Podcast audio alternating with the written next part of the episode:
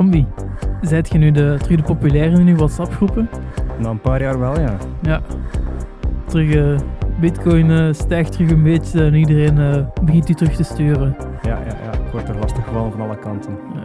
Terug, uit, terug uit de vergeetkrochten van, van de cryptowereld naar boven ge- gekropen. Ja, inderdaad. Jim, Jim, welkom bij Vers van de Metapers, onze nieuwe aflevering, episode 4. We gaan het vandaag hebben over metaverse nieuws, over financieel nieuws. We gaan terug naar het stenen tijdperk. We hebben het over communities en nog veel meer. En ik zit hier met eh, Lambi, Thomas Lambert van OG Studio. Hallo, hallo. GM. Jim, Jim, Ter vervanging van eh Jules. ter vervanging of een, eh, een compliment. hè. ja, ja. Ik ben, ik ben zelf Samuel, ook van OG Studio. En eh, we zijn er klaar, we zijn klaar om erin te vliegen. Het zal wel zijn.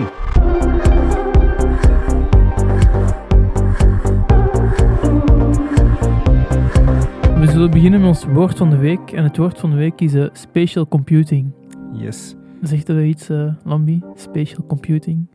Dat zegt mij vaag iets. ja. De laatste tijd veel in nieuws geweest. Maar ehm, ja, de computer is overal nu. Hè. De computer is overal. Het doet mij vooral denken aan, eh, aan expert. Ah ja? Eerst had je de Web3-expert, dan werd hij de AI-expert en dan werd hij de spatial computing-expert. En nu dat Bitcoin terug boven de 50k is, is het terug de Web3-expert geworden. Ja, het is een moeilijke stoelendans. Hè. Ja, ja, inderdaad. En dus spatial computing is eigenlijk een, eh, een term die terug hip is geworden dankzij Apple met, hun, eh, met de launch van hun Vision Pro, hun ja, metaverse of VR-device headset. En eh dus spatial computing staat eigenlijk voor elke handeling die een persoon met een digitaal scherm doet, zowel in de fysiek als in de virtuele wereld. Ehm, daar eigenlijk het computing rondom u gegeven. Mhm. Dus eh, dat is eigenlijk eh, spatial computing. En en dat brengt ons direct bij, onze, bij ons eerste topic van, van, van de aflevering. Het metaverse nieuws met Apple, die deze week zijn eh, Vision Pro headset heeft gelanceerd. Ja, de lang verwachte skibril van Apple. skibril, skibril Pro. Ja, ja, Ehm, inderdaad. Nu, ik heb er wel veel goede dingen van gezien. Ehm, dat het echt eh, intuïtief is, dat die eh, ja, revolutionair is eigenlijk. Ehm, de demos zien er natuurlijk wat tof uit, maar ik denk dat de grootste doorbraak wel nog moet komen met de apps die ook, ja, met een iPhone, de apps waren ook wel de waarde van, eh, van het platform, van het device. Met de Vision Pro zal dat waarschijnlijk ook hetzelfde zijn. Ja, ja, inderdaad. Ik denk dat het ook wel slim is dat Apple heeft direct ook wel een paar apps tegelijkertijd meegelanceerd. Ze, lanceren niet een device en Nee. dan de grote leegtes hebben er direct ook ervoor gezorgd dat er wat developers mee aan de slag gegaan waren. Zoals die, eh, een bekend voorbeeld is die F1-app, dat je kijkt naar het F1 op het scherm en dan ziet je eigenlijk voor u, dankzij die augmented reality, het, eh, het parcours met de autootjes eigenlijk op een tafel bijvoorbeeld voor u. eh. Mhm. Dat is wel, wel interessant en inderdaad een beetje aan de dure kant, maar wel eh, allee, ook de bedoeling waarschijnlijk van, eh, van Apple om eerst even de developers Mhm. aan te spreken en dan eh, de volgende versies zullen wel toegankelijker worden voor, voor het gewone publiek. Ja, ik denk het wel. Ja, 2500 dollar is wel heel scherp geprijsd. Of Ja, scherp, ja, ja. juist niet scherp. maar ehm, ja, in Europa is het nog niet beschikbaar. Daar is ook nog geen datum voor, denk ik. Nee, nee. Wel, ehm, ehm, ja, een- toch misschien een kleine shout-out naar eh, Pieter van, Ja, eh, van waar. Yonder. Hij, heeft er, eh, hij is er toch, allee, Yonder is al, al heel lang bezig ook, hè, met, met de virtuele wereld en VR en AR-experiences. En hij is er toch in geslaagd om, om een bril mee te nemen. Ehm ik denk Ja. zelfs een selfie met Tim Cook in, op het lanceringsevent in, in New York. Dus, en en ja, hij heeft er al, al wat content meegema over, meegemaakt. hè. Dus ja, wel heel cool. Ja, zeker. Nu, denkt hij dat er mensen zo echt gaan rondlopen in de wereld met eh, de Vision Pro op hun hoofd? Of denkt dat meer is iets dat je gebruikt thuis? Of dat je ja, een werktool, zo gezegd hebt? Ja, ik denk op dit moment is het, is het eerder gimmicky als je ermee in de straat eh, rondloopt. Er zijn zo wel Ja, van die grappige filmpjes van iemand die zijn mechanische hond, een robothond uitlaat in de straten van Londen met zo'n eh, met zo'n bril. Een beetje futuristisch. Dystopisch. Dystopisch inderdaad. Of, of mensen die eh, in, hun, in hun Tesla rijden op automatische piloot en dan ook zo'n bril aan hebben. Maar da- daar is het helemaal niet voor gemaakt op dit moment volgens mij. Het is eerder voor, voor bij je thuis als je aan het werken bent Bijvoorbeeld um, om naast je computerscherm uh, nog drie andere schermen te zetten of gewoon geen computerscherm te hebben Mhm. en zelf je, je scherm via je, via je device uh, te projecteren, um, dingen te creëren. Ik denk op dit moment dat het vooral nog in de thuisomgeving uh, als een echt een werktool zoals een laptop um, gebruikt Ja. kan en zal worden. Um, alleen ook nog wel een interessante take van, uh, van uh, Scott Galloway, de Amerikaanse marketing- en business professor, um, investeerder ook, uh, ondernemer, uh, bekend van een bekende podcast Pivot met Kara Swisher. En hij is eigenlijk heel erg tegen de metaverse, tegen die VR-devices. Hij gelooft dat dat um, het beste anticonceptiemiddel ter wereld is. Uh, een heel duur anticonceptiemiddel, maar... Zeg dat tegen Durex. ja, als, als je, als je zo'n headset op hebt, dan uh, is er een 100% kans dat je geen seks gaat hebben die avond. Dat is, dat is zijn visie daarop. Um, dus, dus hij is heel erg tegen, hij gelooft er niet in. Hij zegt dat mensen nog altijd um, echte experiences nodig hebben in real life. Dus ja, we zullen zien waar het, uh, ja. allee, wat de toekomst uitwijst. En um, waarschijnlijk ligt de waarheid ergens uh, in het midden. Ja, ik geloof ook wel dat uh, real-life experiences nog altijd ja, het belangrijkste zijn voor de mens. Maar nu hebben we ook al overal ons device mee, onze smartphone, onze laptop. Dus eigenlijk zijn we ook al een beetje in een digitale laag op de werkelijkheid aan het, aan het leven. Hè. Ja. Ja, inderdaad. En dat is wel het, het, het goede of het slimme natuurlijk van, van die, uh, of misschien ook het, het, nieuwere van die Apple Vision Pro, is dat de vorige devices van Meta waren allemaal vrij um, puur virtuele wereld. Je ja, had eigenlijk geen connectie meer met de echte wereld, terwijl dit device zit eigenlijk ergens tussenin. Je, je hebt nog altijd een, een, connectie, zowel van de binnenkant, als jij kijkt, ziet je eigenlijk de echte wereld en kunt je schermen of andere zaken op, op projecteren. Maar ook omgekeerd, mensen kunnen je ogen nog altijd zien, Mhm. waardoor toch een soort van... Ja, je hebt, je hebt niet de indruk dat je met een robot aan het praten bent Mhm. mm -hmm. als je tegen iemand zo zou praten. Dus, dus Allee, dat is weer wel weer heel netjes gedaan van Apple. Daar is weer goed over nagedacht over de user experience. Um, dus ja. Ja, dat is wel dat stapje nog op dat ze, dat ze, dat ze nemen. Hè. Ja, ja, inderdaad. Um, en dus ja, later dit jaar gaat denk ik Facebook, al even Meta ook met een nieuwe bril komen. Samsung gaat ook met er, gaat er meteen ja. komen. Um, en het, interessante is wel om te zien hoe uh, Meta en Apple zich verhouden tegen elkaar. Apple, vrij duur, niet per se toegankelijk, maar misschien meer gericht op die premium ervaring die, en die developers. Terwijl um, Meta, ze gaan dan het andere eind van het spectrum, ze gaan het een heel goedkoop, um, toegankelijk apparaat maken voor, uh, voor iedereen, en meer misschien om gaming gericht. En het grappige is, Mark Zuckerberg heeft ook al de Apple Vision Pro uitgetest en heeft zijn ongezouten kritiek of ongezouten mening Ja. geuit op, uh, op LinkedIn, een filmpje dat hij heeft opgenomen, waarin hij ja, uiteraard zegt dat Ja, de, ja. de MetaQuest uh, een betere device is uh, dan de Apple Vision Pro. Dus uh, ja, dat is ook weer... Ja. Thanks, Mark.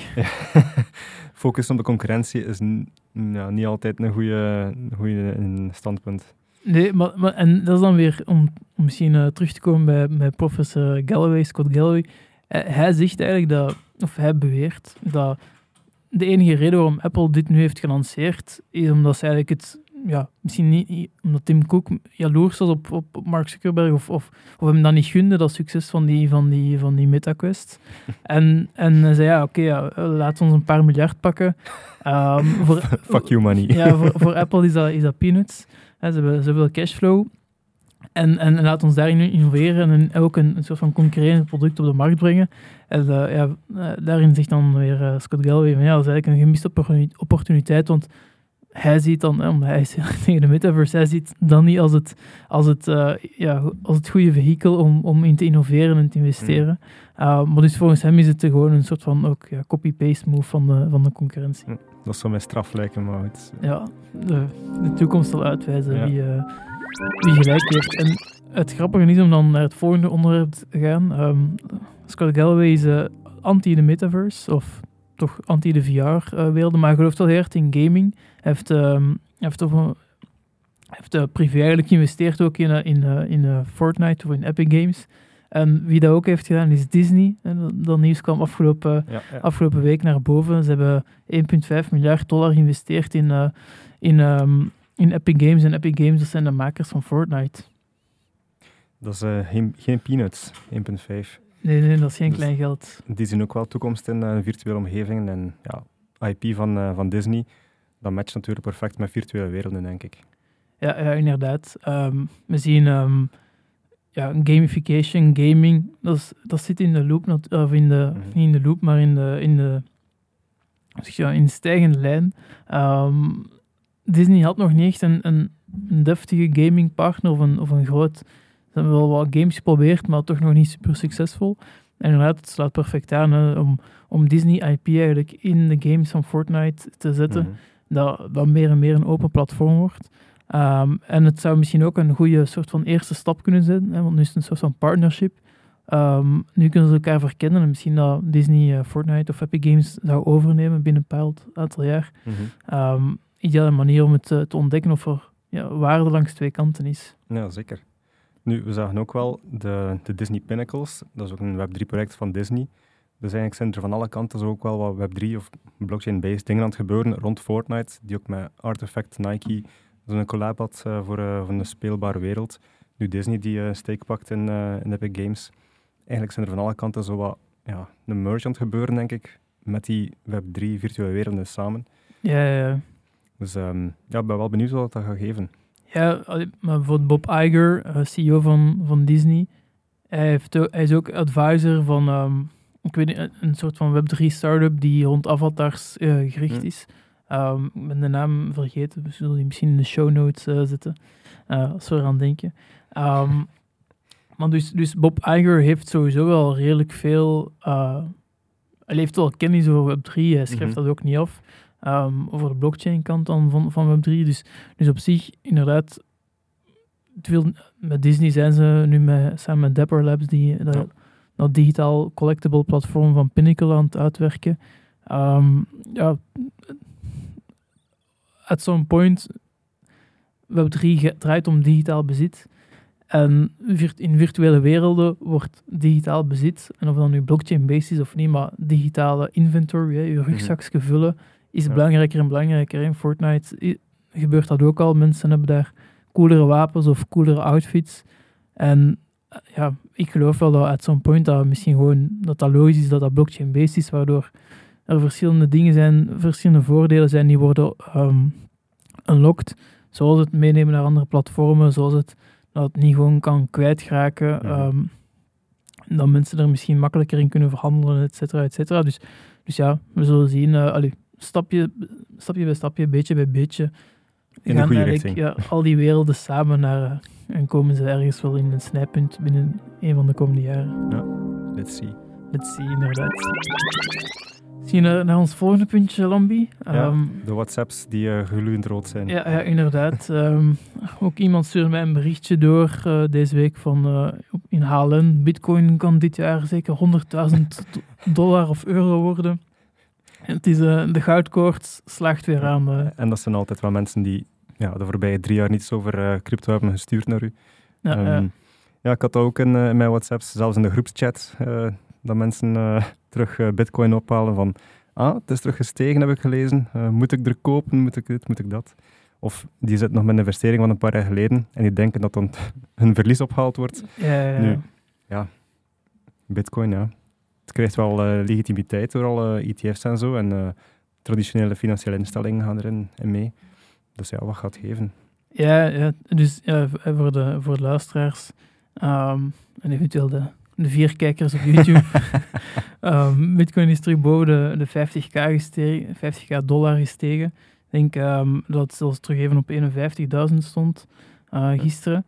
En ja, er zijn, er zijn natuurlijk meerdere redenen waarom die, van waar die stijging terug zou, zou kunnen komen. Het is, het is terug het hoogste punt uh, in twee jaar, denk ik. Um, ja. Dus enerzijds heb je inderdaad heel veel geld dat binnenstroomt dankzij die ETF's die um, een paar weken geleden zijn, zijn goedgekeurd, waardoor nu ja, eh, meer, meer uh, geld binnenkomt, de inflow is groter zijn. Mm-hmm. Anderzijds heb je die halvening, de, ja. de bitcoin die om de zoveel jaar. Ja. Um, ja, de, de, de, de rewards eigenlijk die je krijgt als miner, worden gedeeld door twee gedaan. Ja. Worden gehalveerd. Ja, ja. Dus nu gaat dan naar een is het 1,75 of zo? Nee. Dat zou kunnen. Ik ben... Uh, ik, ik mine zelf niet uh, spijt genoeg, dus... Uh, Ik Dus- ook niet, dat kan mijn eh, elektriciteitsrekening niet aan. Maar dus, ehm, als, als je het Bitcoin-netwerk onderhoudt, krijg je daar beloningen voor als je de volgende blok mag minen. Ehm, en in het, in het algoritme van Bitcoin is eigenlijk geprogrammeerd dat om de zoveel tijd, om de zoveel blokken, wordt die beloning gehalveerd. En daarmee zou er meer, meer schaarsheid ook worden gecreëerd. Ehm, en in het verleden heeft eigenlijk altijd al geleid tot een stijging van de Bitcoin-prijs Ja. op dat moment. En dus, dus is eigenlijk, die cyclus wordt eigenlijk zo bepaald voor Bitcoin, de, de bear en de bull markets van Bitcoin, de hoge en de, allee, dus de toppen en de dalen worden eigenlijk ja, Ja. door die, door die halving eh, cycle ge- ja, bepaald. Dat is al sinds de verwachting. Dus Ja, eh, dat is wel een grote consensus in de community dat dat zo gebeurt. En nu, ik was een beetje vooruit op mijn tijd, maar eh, we gaan van eh, 6,25 naar 3,125 eh, per geminde blok, dat de reward Ja. is voor de miners. Ja, inderdaad.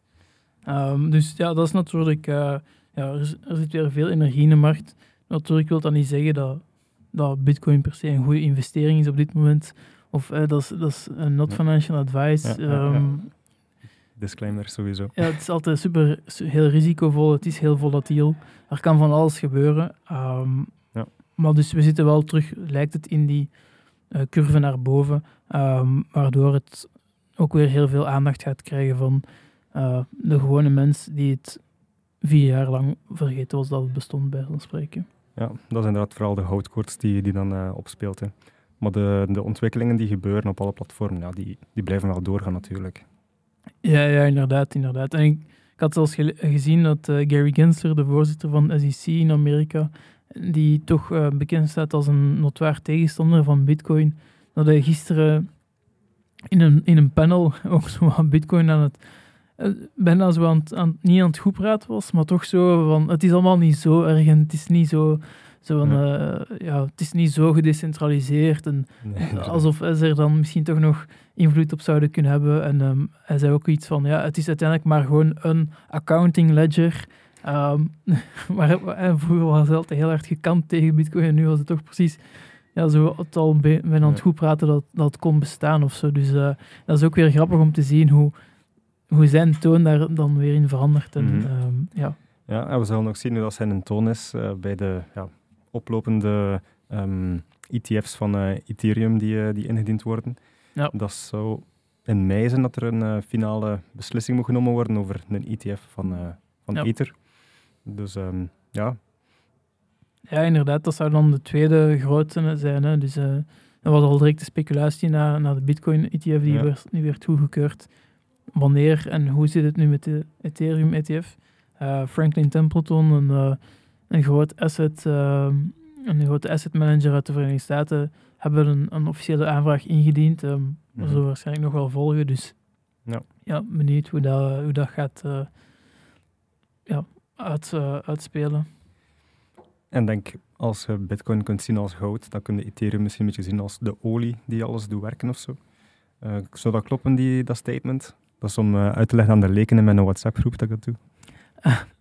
Ehm, ja, ja dat, dat, dat, zou, dat zou kunnen. Hè. Het Ethereum is een soort van, een soort van grondstof eigenlijk. Hè. Ehm, die, die, je, die je nodig hebt om allemaal digitale netwerken te onderhouden. Ik vind een, ook een, een goede vergelijking soms van, ehm, van Chris Dixon die hij gebruikt, is dat Ja. Bitcoin is eigenlijk een soort van, ja, een soort van groot eh, Excel-sheet waarin bijgehouden wordt hoeveel ehm, bitcoins iedereen heeft. Een, een grote database. En Ethereum Mhm. is eigenlijk een computer Ja. en waar je programma's op kunt doen.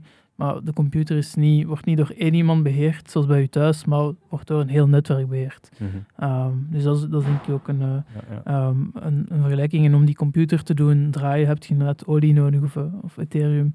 ehm, om al die transacties te kunnen goedkeuren en het netwerk te onderhouden. En dan heb je er allerhande apps op eh, die erop draaien, die kunnen gebouwd worden. Inderdaad, inderdaad. En een van die eerste apps die, die ooit gebouwd is, of van die eerste toepassingen, zijn stenen. Ja, Klopt dat? Dat is eh, terug uit het eh, stenen tijdperk van Ja. Ethereum. Inderdaad. De Ether Rocks, ehm, dat is een collectie van 100 ja, stenen eigenlijk, eh, illustraties van stenen. Dat is eh, clip art. En die zijn in het jaar 17, eh, 2017 gema- Het gemint. jaar, zeven, de- Het jaar toen, 17, toen niet- Jezus 17 jaar was. Ja, zoiets. nog in de sluiers. Ehm, nee, er zijn 100 uh, Ether Rocks uh, gemint. En um, die zijn lange tijd vergeten geweest, maar door de populariteit van NFT's werd er uh, ja, door eigenlijk blockchain-archeologen gezocht achter oude of recent, van het begin, um, jonge smart contracts. En uh, was een van de eerste, denk ik, iets na CryptoPunks collectie. En uh, Sotheby's heeft ook opgepikt, uh, als er geld te verdienen is. Ja, ja. Is, is Sotheby's er ook al, altijd bij. En die, worden, uh, die gaan nu inveilen, een Ether Rock. Um, nu goed om te weten, de laatste week zijn er vier verkopen geweest van Ether Rocks. En een gemiddelde van 200 etherpunten per uh, Ether Rock. Dus ja, omgerekend een, uh, een slordige 500.000 dollar ja, per digitale illustratie van een steen. Ja, de Sotheby's, dus jullie, afhankelijk van wanneer de, de podcast uitkomt, maar dus ik denk dat als jullie er nu naar luisteren, jullie ze nog altijd wel uh, zullen kunnen kopen. Het is tot de 21ste, tot 21 februari loopt, uh, loopt de veiling. Um, nu is een klein weekje van de 14e.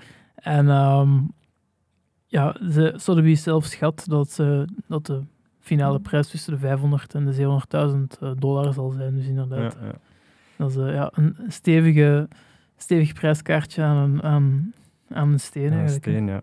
En het idee komt eigenlijk van een uh, oud uh, ja, speelgoedje in de jaren 70. Dat heette de Pet Rock. Dat was eigenlijk gewoon een steen dat je kon kopen. En je kon dat als huisdier houden, zogezegd. je kon de oogstjes opplakken, je moest ervoor zorgen. Maar dat was eigenlijk gewoon een steen. En zo dat, dat absurde, dat speelt natuurlijk ook wel een grote rol in de crypto-communities of de Web3-communities. Dat is ja de memes. Hè. Dus gewoon een steen kopen, een digitale steen, dat is eigenlijk al absurd op zijn eigen. Dus natuurlijk heeft die meme-waarde uh, ja, een echte waarde ook. En uh, omdat dat zo ja, memeable, zo shareable is, dat dat zo absurd is, dan heeft dat wel een grote impact op de community. Ja, want waarom is het dan zoveel waard? Is het dan puur die meme-waarde of de, het feit dat het origineel was? Of zit er ook utility achter? Of wat, wat is de... Er is nul utility. Het is echt gewoon puur collectible van uh, ja, een on-chain artefact eigenlijk. Dus echt een ja, historisch uh, ja, item of een, een, token. Het is zelfs geen ERC 721 of of um, 1155. Ja, dus dat zijn uh, moeilijke woorden. Misschien, ja, uh, even met cijfers aan het gooien hier. Eventjes uitleggen voor de, voor de kijker. Uh, dus de ERC 721, dat is eigenlijk de, ja, de standaard van een NFT, waar alle metadata in kan, waar je ook je, ja, je smart contracts kunt, alle functionaliteiten voor de mint en ja, een soort van technisch formaat zoals je MP3 en MP4 ja, hebt. Ja, ja, eigenlijk een soort ja, blockchain media file, ja, zeg maar, of format. En de, de ERC 1155 zijn dan een, een ja, alternatief, maar die niet uniek zijn op zijn eigen, maar die een bepaalde editie kunnen hebben of zo. Ja. Um, dus eigenlijk zijn de Etherrocks nog van voor de tijd dat die standaarden gemaakt zijn. En uh, moeten die eigenlijk ja, een soort uh, frontend van die website van Etherrocks gaan kopen of gaan, gaan transfereren naar, uh, naar andere wallets of zo. Maar je kunt die ook wrappen. Ja. En wrappen is eigenlijk ja, iets... Inwikkelen inwikkelen ja, van een oud token of zo. Uh, steekt die in de wrapper van een nieuwe token zoals een ERC 721. En dan kun je er alles mee doen, zoals dat je met de modernere NFT's hebt ook. Ja, ja interessant, interessant. Want um, misschien nu we dat toch bij die standaarden zitten, hè. je hebt inderdaad ja. de ERC 721, de 1155. Um, maar er is nu ook een nieuwe standaard die, uh, die opgedoken is. Iemand die een, uh, een nieuwe standaard uh, 404 heeft ge... Standard not found. Standard not found um, heeft uitgevonden. Ja. Um, dat is een beetje een soort van, als ik het goed begrijp, een, een soort van, ja, tussen de, een fungible, de, de ERC20 standaard, uh, om nog een standaard te smijten, en de, en de 721. Hè. De, dus tussen een ERC20 is eigenlijk een, een, wat, een, wat een munt is. Hè, zoals alle munten zijn hetzelfde. Hè, zoals 1 euro, mijn 1 euro stukje is, mm -hmm. is dan als dat van u. Um, en dat geldt dan natuurlijk ook voor digitale munten. Um, dus dat is de ERC20 en dan de 721 is voor een NFT, dus een uniek kunstwerk. Ja. Um, Mona Lisa bijvoorbeeld, als je dat zou digitaliseren, zou dan 721 kunnen zijn. En ja. dus nu is er uh, die 404 is eigenlijk uh, daartussen. Ja, het is eigenlijk een hybride tussen die twee. Nu, het is wel geen uh, officiële standaard. Het is niet goedgekeurd door de Ethereum Organization of Foundation of zo. Het is niet door alle processen gegaan. Maar het is wel ontwikkeld door developers die, ja, die die hybride optionaliteit of functionaliteit wouden, wouden testen. Dus je kunt een NFT hebben. En een NFT is in feite één stukje. Dus als ik van 1 naar 0 ga, dan ja, dat is gewoon één, uh, minder in, mijn wallet. Maar binnen ERC 404 zou je in feite van één NFT pakt 100 uh, ja, deeltjes kunnen hebben. Dan zou ik een deeltje naar u kunnen sturen of verkopen of zo. En dat zijn dan die fungible tokens in uw non-fungible uh, asset. Uh, een beetje een soort van aandelen van een NFT. Stel dat je en dat, dat we de, van de Mona Lisa een NFT maken. Uh, vroeger kon je enkel, als ik de, de Mona Lisa wou, of daarin wou investeren, kon ik die enkel helemaal kopen van u. Ja. Maar nu kun je eigenlijk, dankzij die token, we maken er een NFT van, en je kunt 100 aandelen kopen van die Mona Lisa. En dan kan ik bijvoorbeeld ja, voor 10% investeren Ja. in de meerwaarde daarvan. Ja, dat kon ook al met eh, pla- verschillende platformen. Met een Ja. ERC tw- eh, 721 had dan een fractional.art. Ja. Die ja, maakte eigenlijk een soort eh, smart contract van je eh, NFT dat je erin steekt. En die delen dat dan op in deeltjes. Maar nu zou dat echt wel een native ja, standaard kunnen zijn. Ja, want inderdaad, via dat fraction, fractional platform, waren, dan werden dat dan eigenlijk allemaal ERC20's. Ja. Dus Ja. ehm, ja, nu heb je eigenlijk, nu is dat soort inderdaad ingebouwd in je standaard. Ja, inderdaad. Dat was eh, interessant en heel, heel technisch. Misschien eh, kunnen we nu teruggaan naar de meer creatieve of eh, Iets tastbaarder, denk ik. ja, marketing site van, van Web3. En misschien met het, soort van het verhaal van de week. ehm. Community platforms. Ja, community is een beetje een buzzword aan het worden ook in marketingtermen. Maar alles is een community. Hè. Ieder brand heeft zijn community. Ieder NFT-project heeft ook zijn community. Dus daar zien we wel veel van gebeuren om eh, mensen eigenlijk echt ja, iets plezants te laten doen op een platform. Of eh, met hun tokens eh, interactie te doen met, ja, met games of zo. En daar ook in, re- in return ehm, andere tokens of andere collectibles voor te krijgen. En zo is eigenlijk een gamified journey, zeg maar, in die community. Ja, ja, ja, inderdaad. En we zien eigenlijk meer en meer platformen ehm, opduiken rond, dat- rond die community building, zowel van, van Web3 native eh, projecten, bijvoorbeeld Doodles, de, Mhm. de hele leuke getekende mannetjes, heel schattig. Ehm, die, eh, die hebben nu eigenlijk ook een, eh, een soort van community platform gelanceerd vorige week, waarbij ze iedereen uitnodigen, niet enkel de mensen die een NFT hebben van Doodles, die, die redelijk eh, prijzig zijn, dus die, niet voor iedereen weggelegd, maar eigenlijk iedereen, ook mensen zonder die NFT, kunnen dan toegang hebben tot dat, tot dat platform, Ja. waarbij ze dan inderdaad eh, zaken kunnen verzamelen. Ze, ze creëert daar je eigen avatar, dus je creëert een soort van identiteit. En dan is eigenlijk de bedoeling om inderdaad via die gamified journeys een paar ja, acties te laten volbrengen, die dan in bepaalde voordelen kunnen, kunnen uitmonden. Ehm, en Lacoste heeft dat eigenlijk ook gedaan. Die hadden ook een, een heel Web3-project. Mhm. En die gaan dan nu eigenlijk ook opengooien naar iedereen die niet, ook mensen die geen Web3 ehm, wallet hebben of zo, die gaan eigenlijk kunnen meedoen, kunnen instappen. Maar ze gaan, Lacoste gaat nog altijd wel de mensen die in hun Web3 community actief waren belonen, of die gaan daar een bepaalde status meekrijgen. Ehm, net zoals Doodles het ook, eh, het ook doet eigenlijk. Ja. Maar dus ehm, ze, ze, trekken het, eh, ze mijten het helemaal open.